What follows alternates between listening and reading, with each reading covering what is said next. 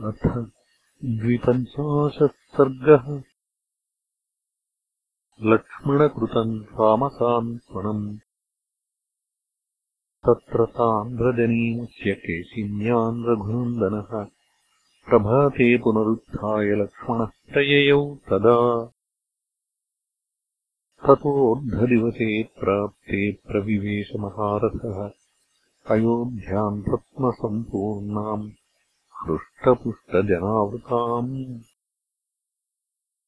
सौमित्रिस्तु परम् दैन्यम् जगामसुमहामतिः रामपादौ समासाद्य वक्ष्यामि किमहम् गतः तस्यैवम् चिन्तयानस्य भवनम् शशिसन्निभम्। रामस्य परमोदारम् पुरस्तात् समदृश्यत राज्ञस्तु भवनद्वारिसोऽवतीर्यरथोत्तमात् अवाङ्मुखो दीनमनाः प्रविवेशानिवारितः। स दृष्ट्वा राघवम् दीनम् आसीनम् परमासने। नेत्राभ्याम् अश्रुपूर्णाभ्याम् ददर्शाग्रजमग्रतः। जग्राहचरणौ तस्य लक्ष्मणो दीनचेतनः उवाच दीनया वाचा प्राञ्जलिः सुसमाहितः आर्यस्याज्ञाम् पुरस्कृत्य विसृज्य जनकात्मजाम् गङ्गातीरे यथोद्दिष्टे वाल्मीकेराश्रमे शुचौ। तत्र ताम् च शुभाचाराम् आश्रमान्ते यशस्विनीम् पुनरप्यागतो वीर पादमूलम् उपासितुम्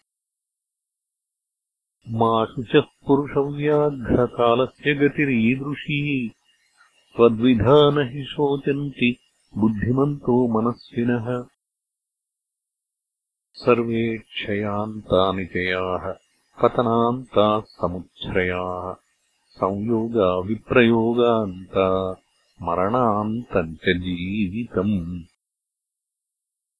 तस्मात् पुत्रेषु दारेषु मित्रेषु च धनेषु च नातिप्रसङ्गः कर्तव्यो विप्रयोगो हितैर्ध्रुवम्।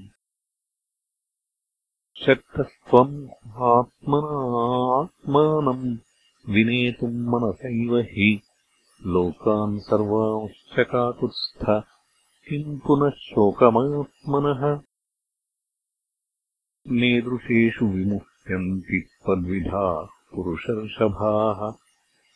अपवादः स किल ते पुनरेष्यति राघव। यदर्थम् मैथिलीत्यक्ता अपवादभयान् नृप। कोपवादः पुरे राजन् भविष्यति न संशयः। स त्वम् पुरुषशार्दूलधैर्येण सुसमाहितः त्यजैनाम् दुर्बलाम् बुद्धिम् सन्तापम् मातुरुष्वः। एवमुक्तः स काकुत्स्थो लक्ष्मणेन महात्मना। उवाच परया प्रीत्या सौमित्रिम् मित्रवत्सलः। एवमेतन्नरश्रेष्ठ यथा वदसि लक्ष्मण। परितोषश्च मे वीर मम कार्यानुशासने निर्वृतिश्चागता सौम्य सन्तापश्च निराकृतः। भवद्वाक्यैः सुरुचिरैः अनुनीतोऽस्मि लक्ष्मणा।